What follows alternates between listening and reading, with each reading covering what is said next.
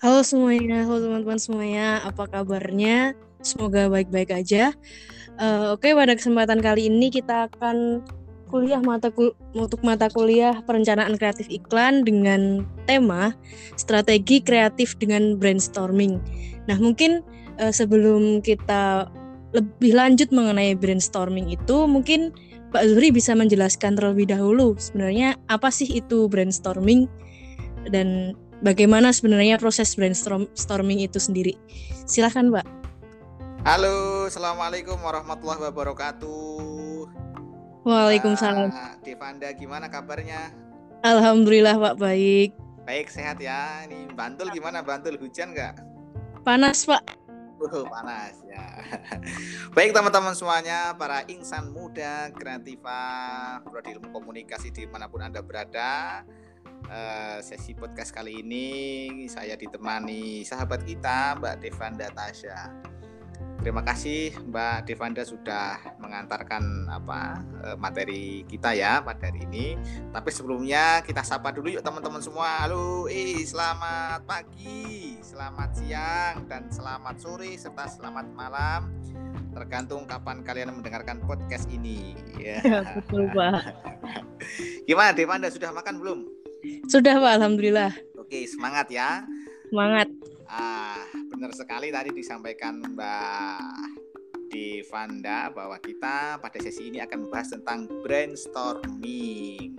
Oke, sebelumnya teman-teman apakah sudah ada yang tahu apa itu brainstorming? Uh, menurut Devanda sendiri deh, uh, sekilas aja ya, brainstorming itu kayak apa sih gitu misalkan? Kalau menurut saya itu brainstorming kayak proses kita mencari sebuah ide baru gitu pak. Kalau yang sebelumnya itu.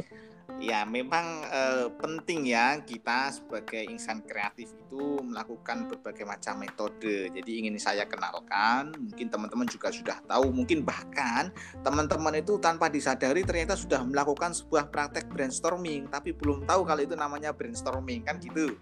Iya pak. Ya kan kadang-kadang kan kita apa ya proses menggali ide gitu kan. Tiba-tiba ayo kumpul yuk kumpul. Nongkrong nongkrong warung kopi. Kita punya acara ini. Kemudian temanya apa ya? Kira-kira itu. Nah tanpa disadari ternyata kita ngumpul nongkrong nongkrong itu ternyata itu sudah melakukan praktek brainstorming gitu. Nah sekarang saya ingin mengupas atau mengulas uh, brainstorming ini betapa pentingnya bagi kita uh, untuk uh, menggali ide-ide kreatif. Nah apakah sudah siap Mbak Divanda dan teman-teman Siap Pak, selalu okay. siap.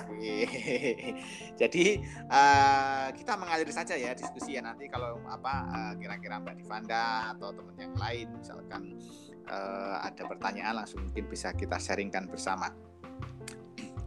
Nah, teman-teman uh, menurut Alex uh, Venki Osborne itu ya menyampaikan bahwa brainstorming adalah merupakan sebuah metode atau cara untuk mendapatkan ide-ide baru atau proses untuk memecahkan sebuah masalah.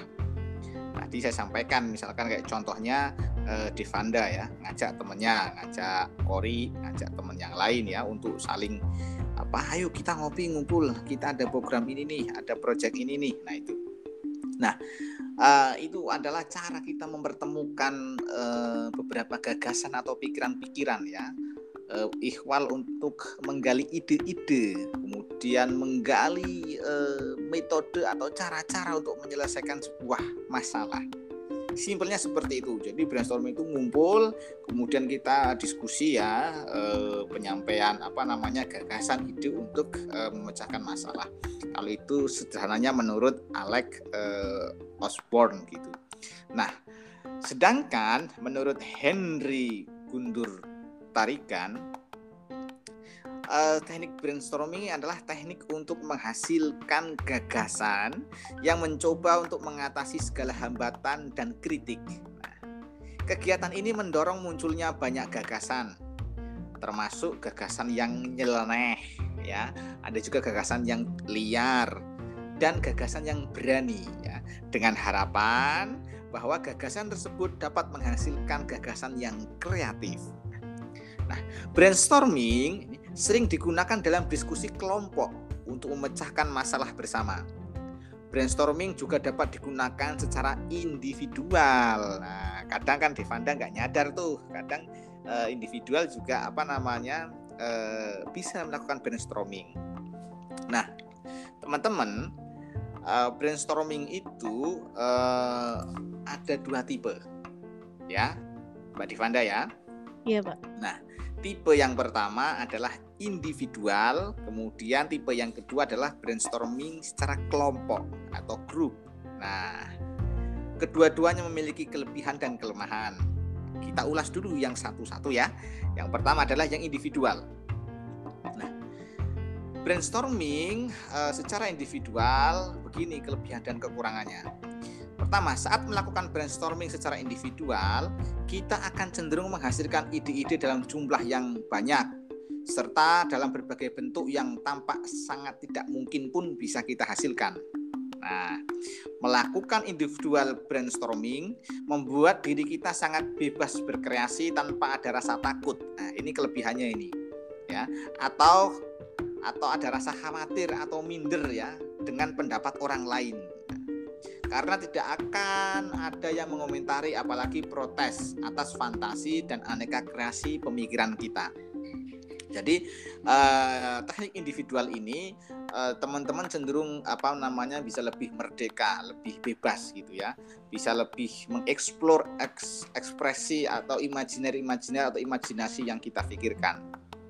Nah, nah ini yang kelebihan atau teknik individu karena apa? Karena kadang ada tipe orang yang minder atau kurang percaya diri. Jadi ketika di forum malah tidak berani ngomong. Atau di forum itu justru uh, karena nervous gitu ya jadi nggak nggak keluar omongannya gitu.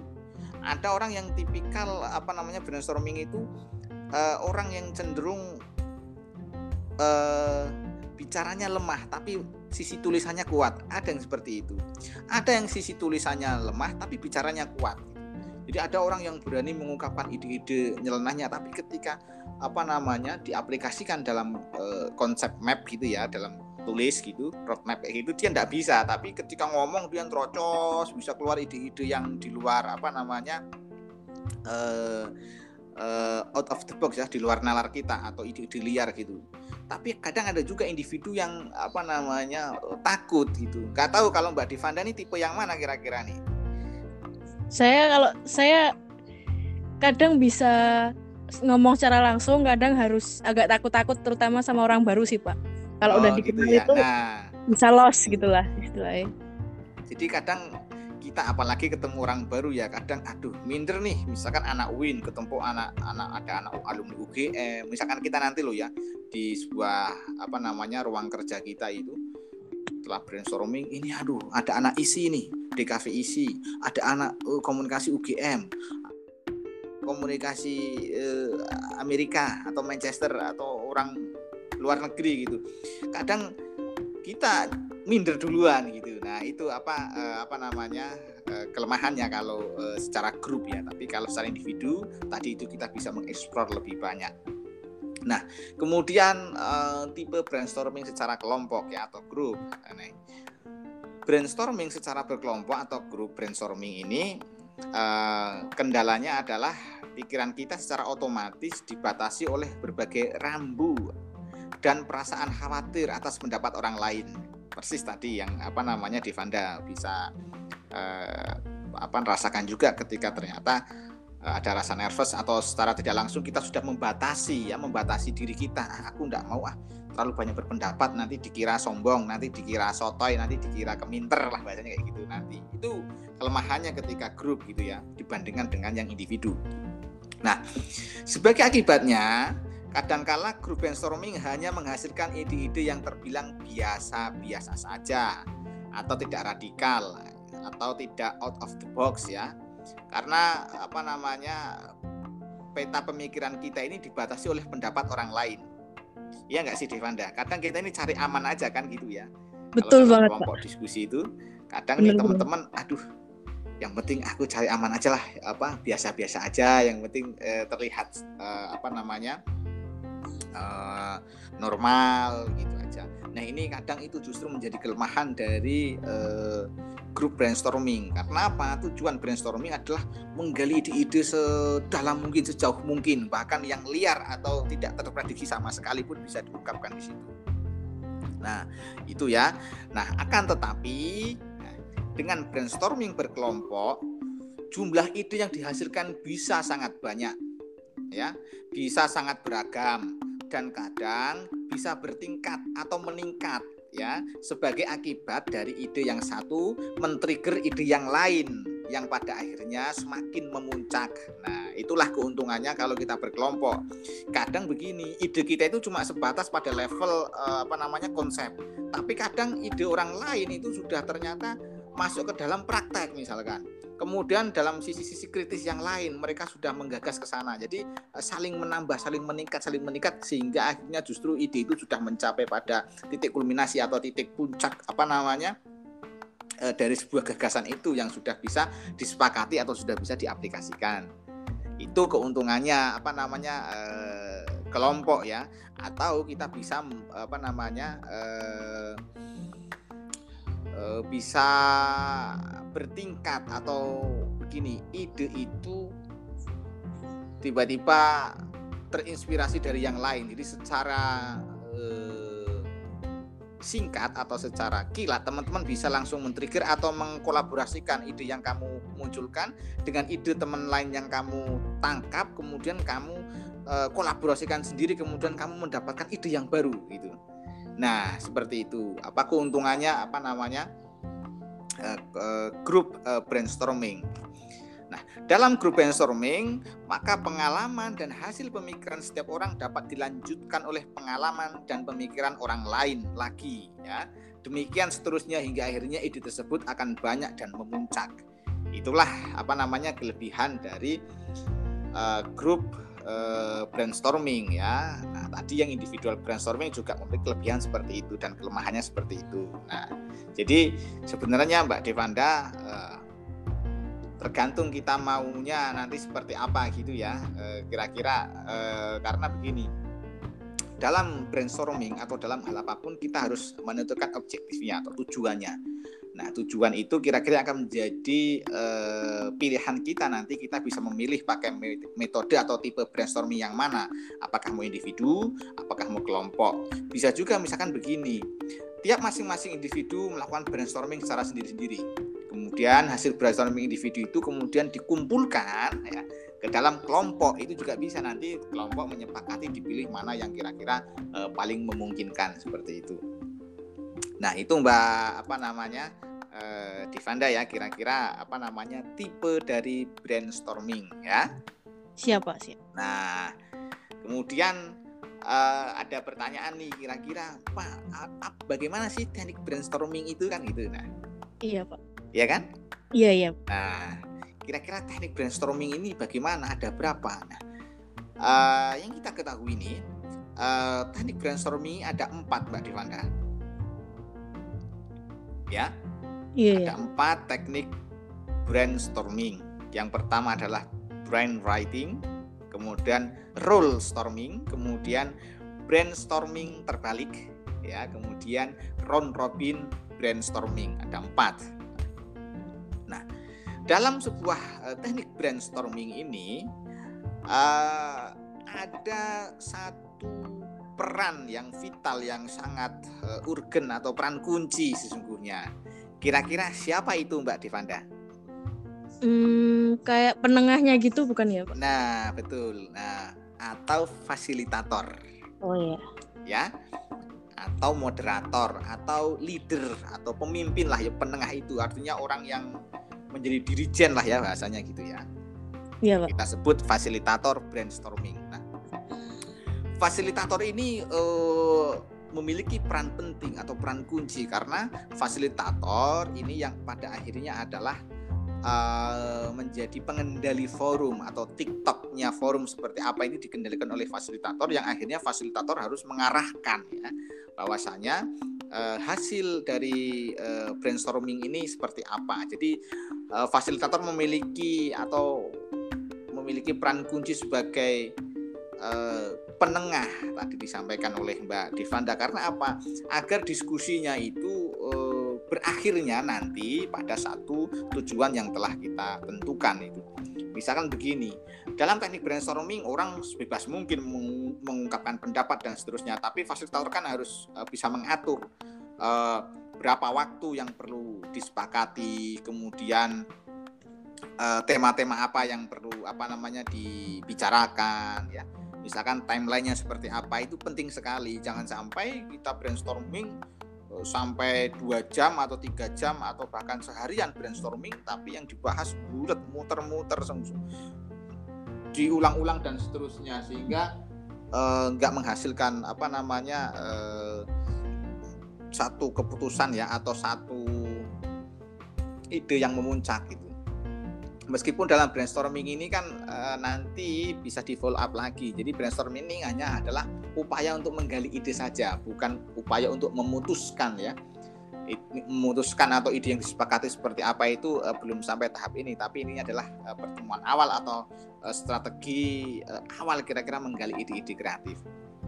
Nah, langsung saja kita ke uh, brand writing. Nah, apa itu? Atau bagaimana skemanya atau polanya? Proses brainstorming ini mengizinkan anggota kelompok untuk menuliskan, kemudian membagikan dan mengomentari ide anggota lainnya tanpa diminta untuk berdiri atau berbicara. Jadi misalkan Mbak Devanda, Mas Kori, nanti Mas Akmal, Ananda gitu misalkan ya atau lima kelompok atau lima orang dalam satu forum uh, brand writing ini masing-masing kelompok itu silahkan menuliskan idenya gitu ya kemudian membagikan ide itu kepada yang lain. Boleh pakai nama boleh juga nggak pakai nama. Biasanya uh, kalau mau apa namanya rahasia ya nggak usah pakai nama biar lebih liar gitu ya. Biar artinya begini dalam satu forum itu tuliskan ya uh, idenya apa kemudian dibagikan dan mengomentari anggota lainnya. Kadang kan kalau pakai nama kan uh, malu kan aduh enggak iya, enak iya, iwuh gitu kan ah, tahu nih Kori saya kritik kan gitu nanti Devanda enggak enak itu padahal Devanda misalkan naksir Kori misalkan gitu.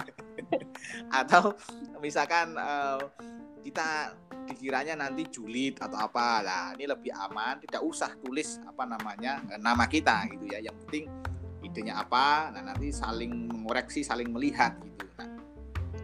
Ketika individu tertentu cenderung mendominasi kelompok atau memilih untuk tidak terlibat di dalam kelompok, nah, pendekatan ini mungkin berguna. Contoh kasus misalkan begini, dalam brand writing atau brainstorming yang menggunakan teknik brand writing ini, uh, kadang uh, satu forum itu ada orang yang risih ya atau tidak enak atau ewuh pekewuh bahasanya begitu. Kenapa? Karena misalkan dia anaknya dosen atau dia anaknya wali kota atau bupati atau anak pejabat atau dia itu yang paling kaya yang biasa ngebosi di apa forum itu. Atau misalkan dalam lingkup kerja eh, ternyata dia adalah manajer. Kan nggak enak kita. Kalau nama kita kelihatan misalkan apa namanya membantah manajer kesannya kan kayak gitu kan nggak enak kan gitu.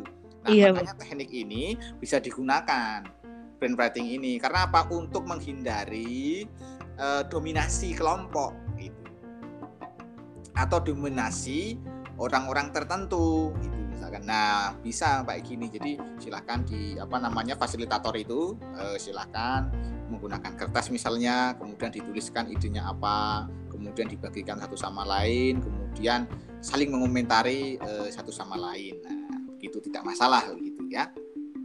Intinya brand writing ini adalah dengan cara menuliskan ide-ide kita ada yang ditanyakan Mbak sampai sejauh ini? Uh, kalau sementara belum sih Pak. Belum ya. Masih aman. Nah kemudian yang kedua uh, tekniknya adalah role storming. Ini metodenya adalah merupakan proses yang sangat kreatif yang melibatkan anggota kelompok dalam tindakan improvisasi, ya berdasarkan peran yang mereka pilih atau ditunjuk. Model ini memposisikan masing-masing individu berperan dalam sebuah studi kasus, misalnya ya. Jadi menggunakan permainan. Misalkan jika A menjadi B dan B menjadi C, sedangkan C menjadi A dan seterusnya. Jadi ini kita menggunakan pola permainan gitu ya, atau bertukar peran misalkan ya atau beralih peran kayak gitu gitu bisa. Jadi fasilitator nanti uh, menentukan kita menggunakan role storming. Uh, silahkan misalkan si Devanda menjadi uh, klien misalkan kemudian Kori menjadi uh, buyer kemudian uh, Ananda nanti menjadi uh, konsumennya. Nah itu coba berbagi peran itu. Atau misalkan nanti berbagi peran ya misalkan uh, ketika A menjadi B, B menjadi C, sedangkan C menjadi A. Jadi saling keterkaitan gitu ya. Jadi uh, semuanya memiliki posisi yang sama gitu. Nah, apa namanya peran ini dapat berubah dari realistis ya, misalnya sebagai pelanggan yang marah dan pelayan yang ramah gitu ya, hingga yang fantastis.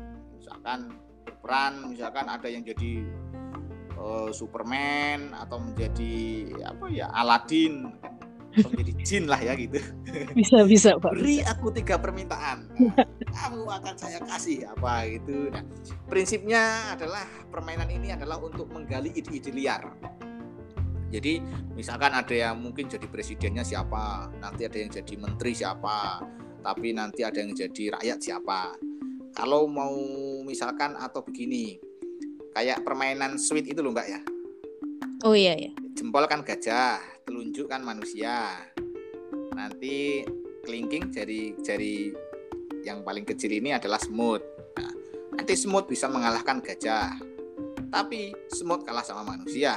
Manusia kalah sama gajah. Nah, artinya bisa pola ini digunakan ini. Jadi eh, nanti saling apa namanya eh, ide-ide itu nanti atau peran itu nanti ya bisa menemukan satu ide yang baru dari perspektif yang berbeda gitu. Nah ini roller storming ini juga sangat apa namanya eh, efektif ya, bisa menjadi alternatif ketika eh, masalah-masalah itu eh, tumpang tindih. Misalkan begini, dalam suatu pemecahan sebuah iklan atau misalkan dalam suatu produk gitu ya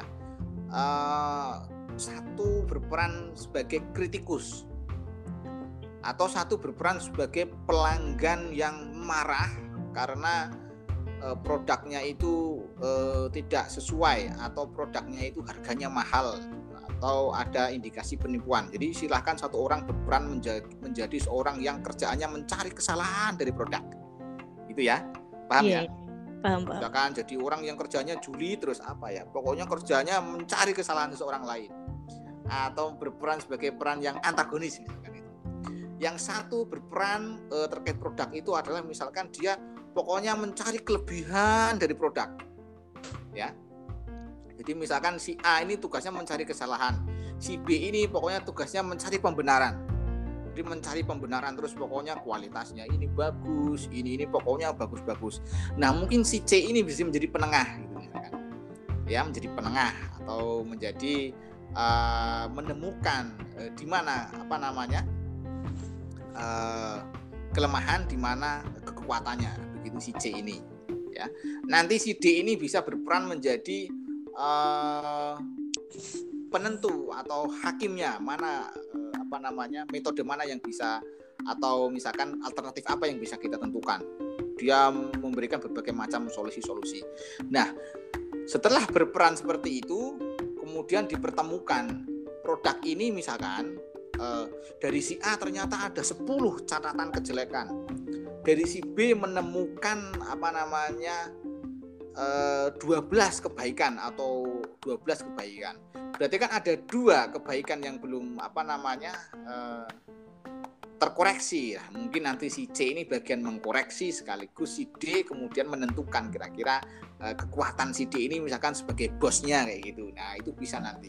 Jadi nanti ada di situ debat panjang di situ proses itu ya untuk meng mengadu argumen dan seterusnya gitu. Nah, si D ini posisinya sebagai uh, yang melihat apa namanya situasi atau menentukan mana kira-kira uh, yang baik atau yang diambil uh, dari ide itu. Nah, bisa storming ini bisa digunakan. Jadi intinya berbagi peran lah kayak gitu ya. Jadi peran masing-masing. Kenapa ini bisa dilakukan? Karena untuk uh, mengukur. Kadang kita ini kan kalau mohon maaf nih misalkan uh, kalau sudah cinta buta itu ya tai kucing rasa coklat kan gitu.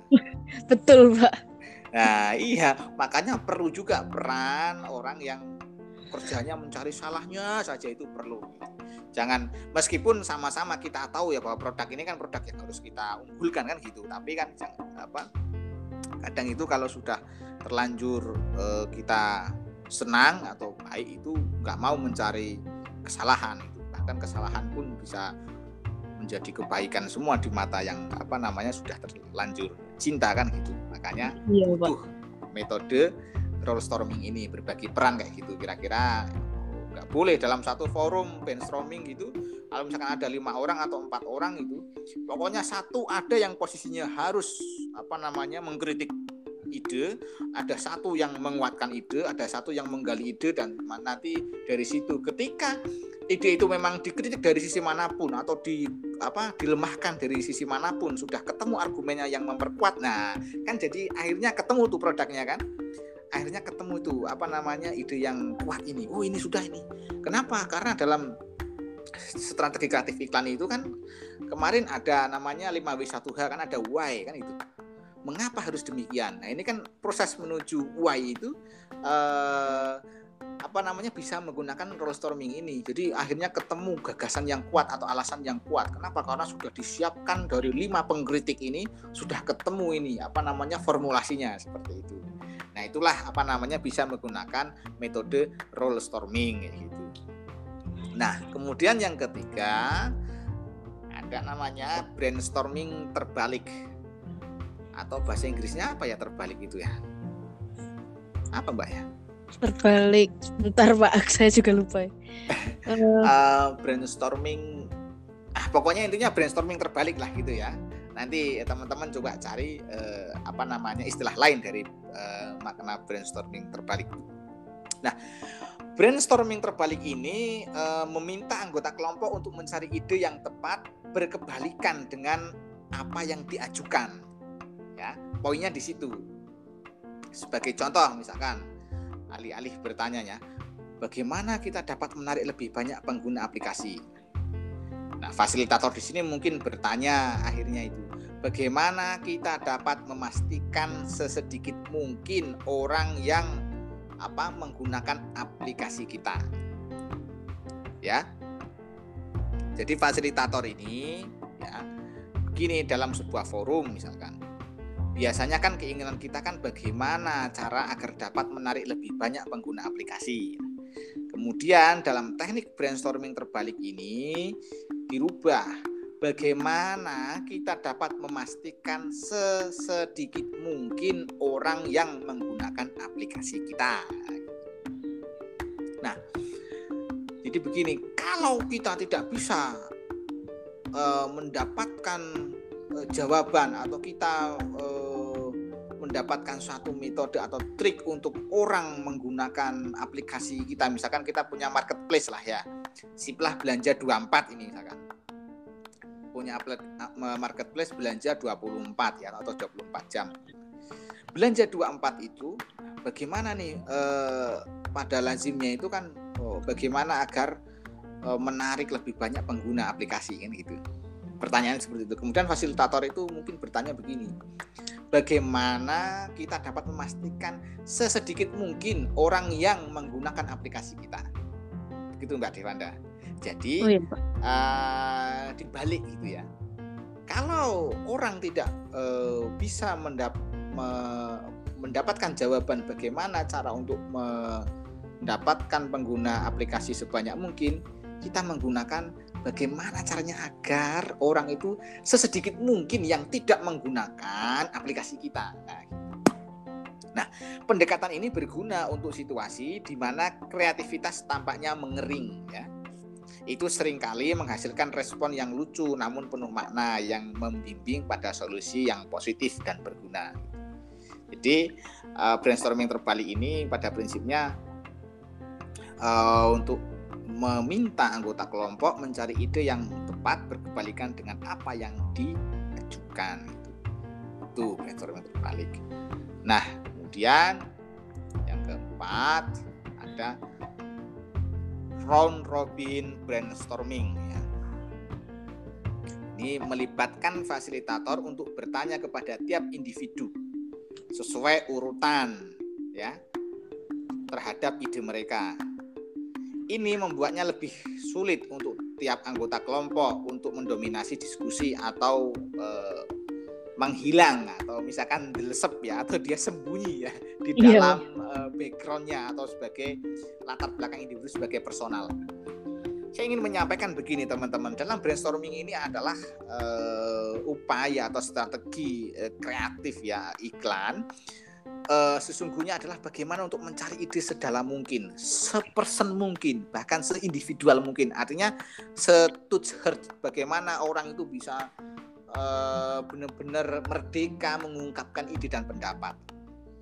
Ya, nah round robin brainstorming ini adalah uh, kuncinya fasilitator tadi ya adalah untuk bertanya kepada tiap individu ya bisa sesuai urutan misalkan sesuai urutan uh, kehadiran atau bisa dari kanan dulu urut satu persatu gitu kan atau dari kiri dulu kalau misalkan mereka melingkar gitu ya atau misalkan dari yang muda dulu atau dari yang tua dulu atau dari yang kecil dulu kemudian dari yang besar atau dari jabatan yang misalkan paling rempeyek lah atau remah-remah itu sampai misalkan yang top level misalkan gitu. Nah, itu ya uh, round robin itu. Karena begini, kalau kadang begini, setiap anggota itu kalau tidak ditanya satu persatu, kadang ada yang menghilang. Ya enggak, Devanda? Bener banget, Pak. Bener banget. Misalkan dalam satu, ya misalkan begini aja, saya aja deh misalkan dalam satu kelompok kelas misalkan gitu. Ada yang bertanya, ada yang mau diskusi gitu.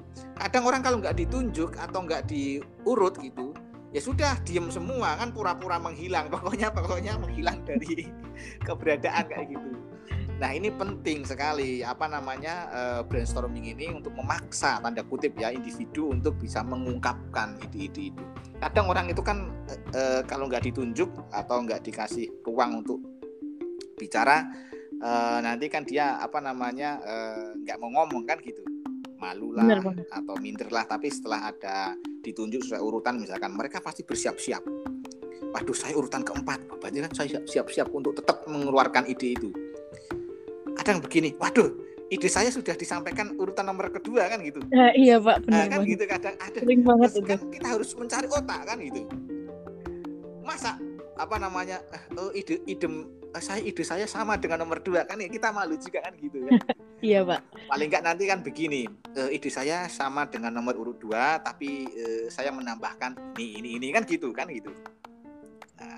Itu apa namanya uh, strategi ya round robin brainstorming ini agar semua individu itu menyampaikan apa namanya uh, uh, idenya itu dan agar juga tidak didominasi oleh satu kelompok satu orang tertentu gitu.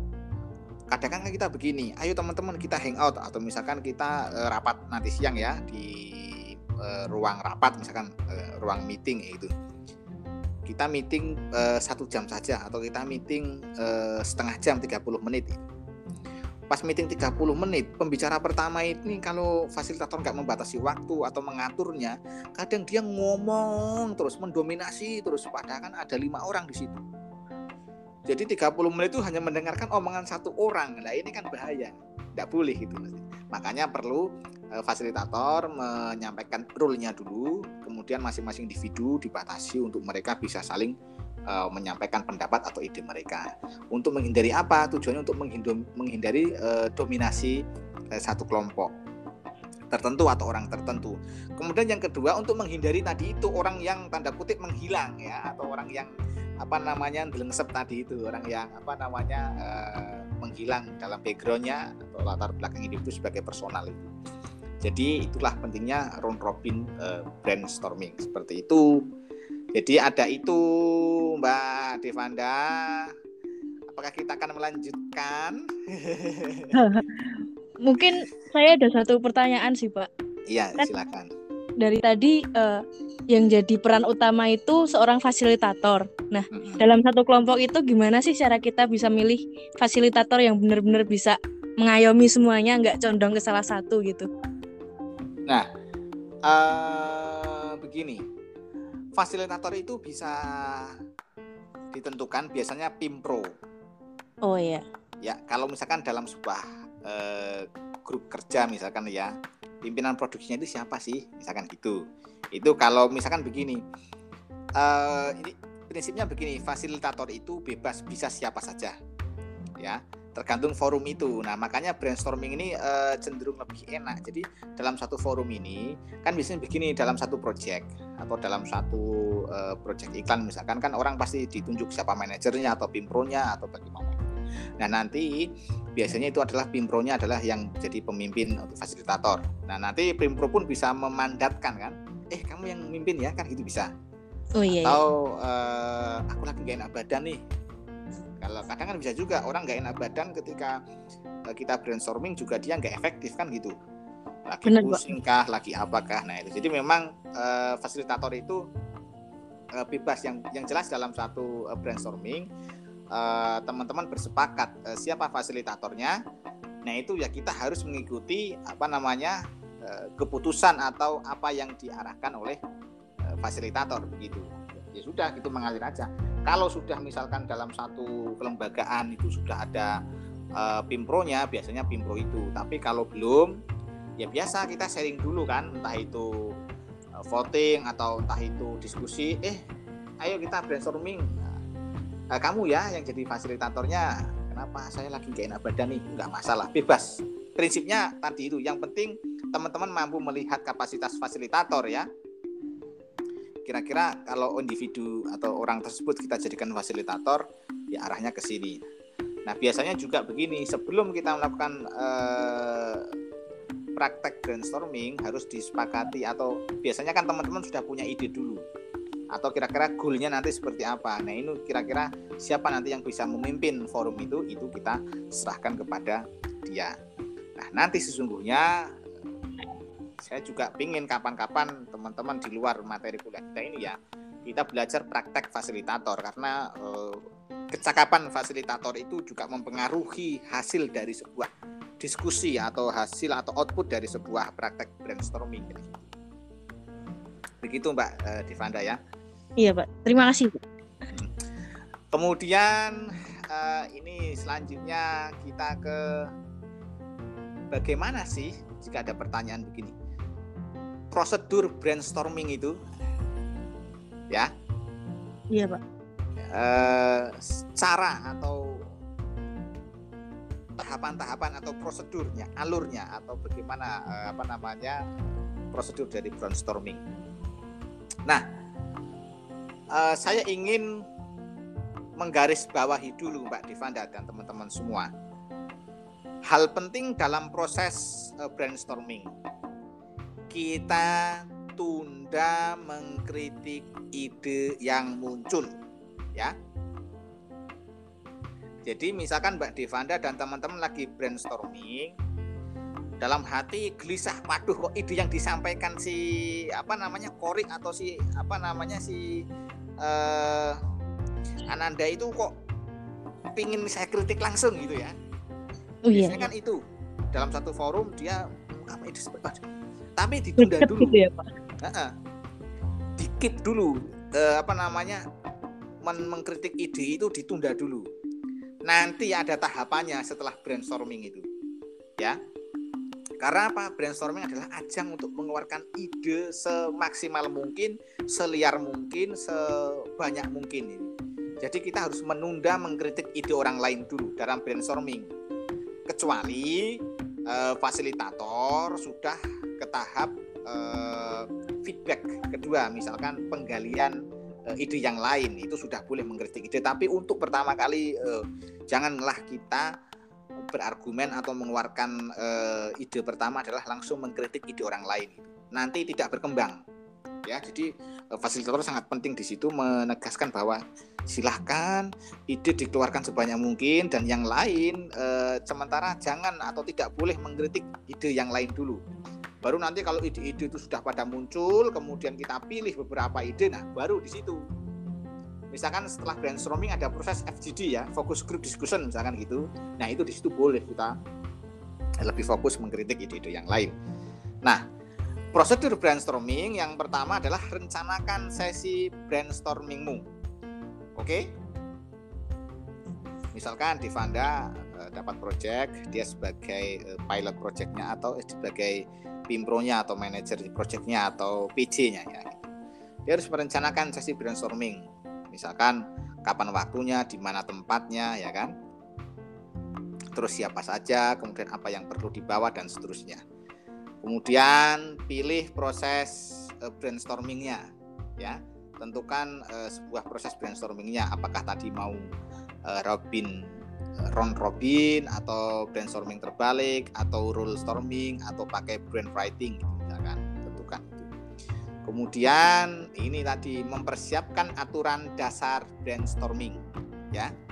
Setelah rencanakan aksi, di mana tempatnya, bagaimana, kemudian apa yang perlu dibawa, fasilitasnya, kemudian pilih metodenya atau pilih prosesnya itu, kemudian persiapkan aturan dasar brainstorming. Misalkan, tentukan setiap individu uh, menyampaikan ide, ya kesepakatan kelas lah kayak gitu ya atau kesepakatan forum gitu. Misalkan uh, tidak boleh mengkritik ide yang lain atau misalkan yang pertama adalah sampaikan ide 10 misalkan kadang kan ada yang cuma punya lima ide atau berapa gitu ya tentukan kemudian tidak boleh uh, membuli atau menjustifikasi ide orang lain atau misalkan setiap masing-masing individu uh, boleh menyampaikan ide selama lima menit kayak gitu boleh. Jadi aturan dasar itu di apa namanya disiapkan dulu. Kemudian menerapkan proses brainstormingnya ya. Diterapkan proses itu.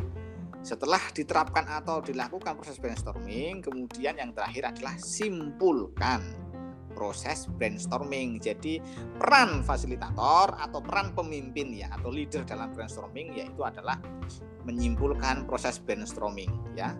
Prosesnya itu disimpulkan nanti apa namanya poin-poinnya seperti apa, kesimpulannya seperti apa itu disimpulkan kemudian eh, raihlah kesepakatan di situ.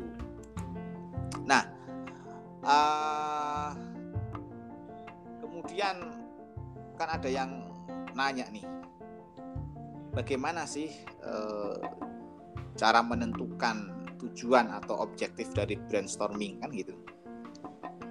sekarang ini tentukan tujuan atau objektif brainstorming stormingmu. Nah, sesi brainstorming dapat diawali dengan penetapan tujuan dari brainstorming. Tujuan atau objektif harus jelas, ya. Apakah hendak memecahkan sebuah permasalahan atau hendak meningkatkan sebuah pelayanan atau sedang mencari sebuah eh, peluang atau opportunities yang lain gitu. Jadi eh, macam-macam ya tujuannya itu apa namanya? Misalkan dalam sebuah eh, company itu perusahaan perdagangan atau kalian misalkan teman-teman eh, bermitra misalkan ada lima orang patungan ngumpulin modal bikin warung misalkan ya. Warung sayur atau misalkan kalian bikin jualan sayur segar kayak gitu misalkan. Nah satu sisi misalkan eh, ada masalah nih. Ya ada masalah atau ada tantangan tertentu. Nah kalian misalkan tentukan objektif brainstormingnya. Kita ini mau brainstorming ini mau ngapain sih? Apakah mau memecahkan sebuah permasalahan yang ada? Itu ternyata kalian tertempa masalah itu ya apakah itu? Atau brainstorming untuk e, meningkatkan sebuah pelayanan ya servisnya itu seperti apa? Atau sedang mencari sebuah peluang lain kan juga boleh seperti itu. Nah tujuan itu tentukan dulu. Nah penetapan tujuan yang baik adalah yang spesifik ya lengkap dengan batasan-batasannya atau aspek apa saja yang harus dimasukkan sehingga semua potensi akan terpandu ke satu arah ya harus fokus pada tujuan yang telah ditentukan. Ya brainstorming itu seperti fokus. Fasilitator harus mengarahkan peserta pada tujuan di atas. Dengan demikian maka proses diskusi tidak akan melebar ke mana-mana. Karena jika tidak, bukan saja hasil yang akan melenceng jauh, tetapi proses akan menjadi tersendat dan bisa menyebabkan kegagalan atau alias hanya nongki-nongki ngobrol-ngobrol biasa akhirnya kayak gitu. Hanya menghabiskan budget untuk makan-makan tapi tidak mendapatkan hasil yang diharapkan. Kan banyak juga gitu di Vanda ya? Betul pak. Betul pak. Jadi setelah gini kok aduh ternyata boring ya aduh bosen ya aduh ah udah makan-makan aja yuk. Kan kadang bisa jadi kayak gitu. Malah ngobrol-ngobrol juga pak. Malah ngobrol-ngobrol yang melenceng. Misalkan kalian nih uh, dapat tugas dari uh, Mas Zuhri ayo kita ngumpul-ngumpul. Berapa berlima sambil ngopi-ngopi makan-makan tapi setelah di situ itu uh, lupa dengan apa namanya objektif brainstormingnya atau tujuan utamanya kan suruh mencari ide untuk menggali sebuah peluang lain atau meningkatkan pelayan tapi malah eh ada film drakor yang baru nih gitu. Devanda Devanda ny nyampein apa? Oh yang seri apa ini? Oh yaudah ini mana? Ayo nonton nonton nonton. Nah, setelah ditonton bareng bareng makan makan apa waktunya habis kelupaan udah ditelepon mama suruh pulang ke rumah dan seterusnya. Eh bubar jalan nggak dapat apa-apa kan gitu. Bener banget pak. Sering kayak gitu. Itu mungkin sering ya sering terjadi. Nah itu makanya teman-teman harus fokus ya pada uh, tujuan yang telah ditentukan. Kemudian apa namanya uh, tadi ya prosedurnya gitu ya tentukan tujuan. Uh, kemudian yang kedua pilih uh, sebuah proses brainstorming ya. Tadi prosedurnya setelah rencanakan aksi brainstorming, kemudian pilih proses brainstorming. Nah, ketika peserta brainstorming memberikan ide, melontarkan gagasan yang mengarah ke objektif, ya, baik langsung maupun tidak langsung, maka peserta lain atau siapa pun tidak boleh memberi kritikan Kritik dalam bentuk umum akan menghambat proses berpikir atau menutup kreativitas. Yang diizinkan adalah membantu membuka jalan peta pikiran seseorang dengan memberikan umpan. Ini yang paling penting dari sebuah fasilitator. Umpan itu bisa diberikan dalam bentuk pertanyaan, ya, bisa juga dalam bentuk pernyataan, ya, pendapat nanti silahkan pendapat saya dikritisi kan gitu bisa. Nanti muncul orang-orang uh, apa namanya atau sebuah pertanyaan. Ditanya langsung gitu ya. Nah pastikan bahwa semua peserta memberikan sumbang saran.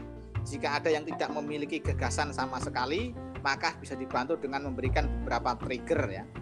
Misal jika yang bersangkutan ada pada posisi tertentu dan menghadapi situasi tertentu dan hanya punya dua pilihan melakukan sesuatu atau hanya hanya ada dua pilihan ya untuk melakukan sesuatu atau jika terjadi sesuatu. Maka apa yang akan dikerjakan dan seterusnya. Misalkan kalian tadi itu ya eh, pilih sebuah proses brainstorming. Kalian memilih brainstorming misalkan eh, round robin storming. Boleh seperti itu. Kemudian masing-masing orang ditanya sesuai urutannya kemudian melontarkan gagasan ya tidak boleh ada yang mengkritik dulu karena kalau mengkritik akan menghambat. Jadi silahkan semuanya di masing-masing urutan saya tanya satu persatu apa idenya kemudian kira-kira uh, sumbang sarannya seperti apa. Nanti pasti tiap orang akan menyampaikan uh, argumen-argumennya satu persatu seperti itu. Begitu ya. Jadi setelah uh, menentukan objektifnya kemudian pilih sebuah proses brainstormingnya. Kalau tadi misalkan milihnya adalah milih yang uh, role storming. Berbagi peran. Ya sudah. Silakan fasilitator uh, menanyakan atau ngasih pernyataan terhadap peran yang apa namanya uh, memberikan umpan kepada masing-masing aktor yang sesuai perannya. Misalkan dia si A ini perannya adalah mencari kelemahan dari produk. Silakan ditanya diberi umpan. Ya misalkan si B adalah perannya adalah menguatkan produk atau mencari keunggulan produk silahkan uh, si B ini dikasih sebuah pernyataan. Misalkan pernyataan uh produk ini ini uh, tidak enak sama sekali dan banyak di kalangan masyarakat. Uh sangat pokoknya dikasih pernyataan yang membuat uh, si B ini adalah memberikan umpan balik ya. Kemudian si C berperan mencari peluang peluang dari yang apa masalah dihadapi. Kemudian si D ini mencari uh, setelah tadi kelemahannya, kekuatannya, peluangnya, kemudian mencari sesuatu yang tidak terduga misalkan masalah apa yang bisa muncul kemudian hari. Nah, silahkan dipancing seperti itu. Begitu ya. Nah, setelah itu kemudian uh, mempersiapkan aturan dasar brainstorming. Nah, caranya bagaimana?